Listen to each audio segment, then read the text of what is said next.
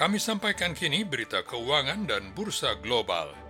Indeks Dow Jones di New York naik 922 poin ditutup pada 24.614.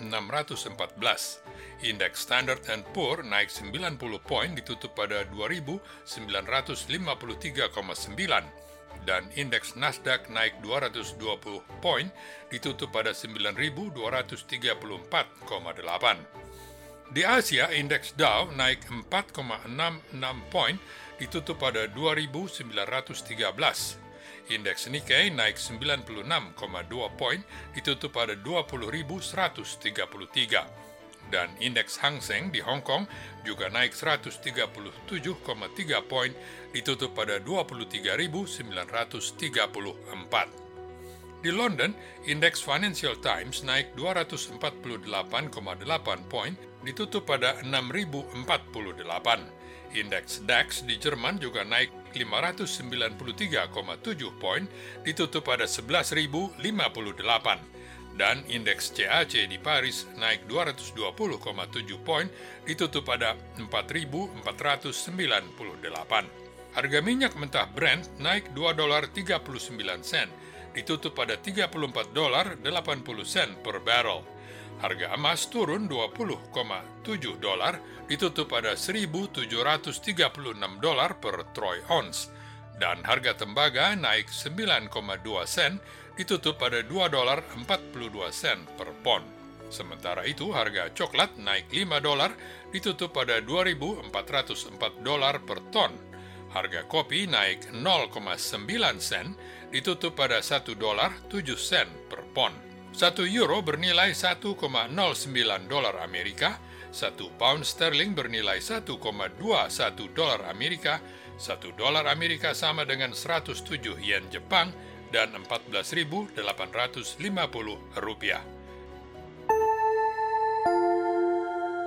The Voice of America.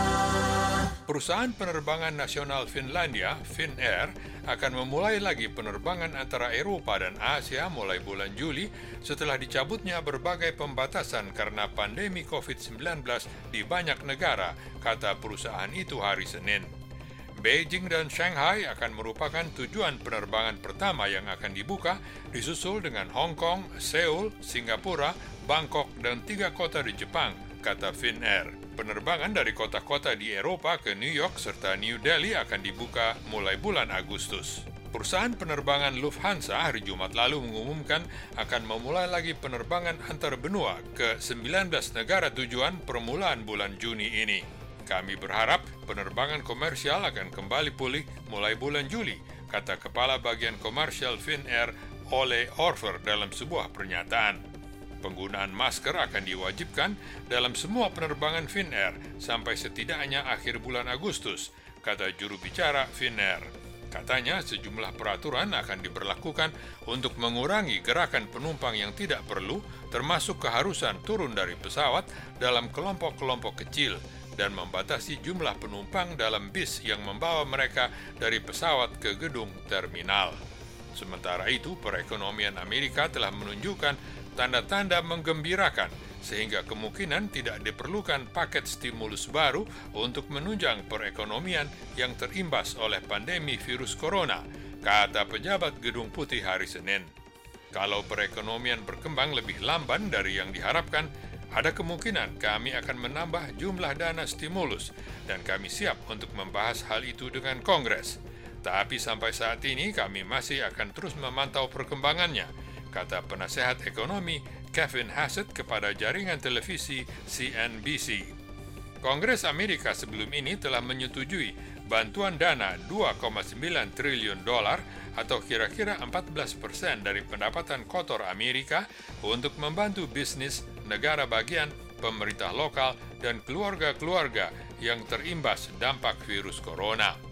Hari Jumat lalu, kelompok Demokrat dalam DPR Amerika telah menyetujui paket penyelamatan ekonomi paling besar bernilai 3 triliun dolar lagi, tapi tipis kemungkinannya anggaran itu akan disetujui oleh Senat yang dikuasai Partai Republik. Dari Washington, saya Isa Ismail.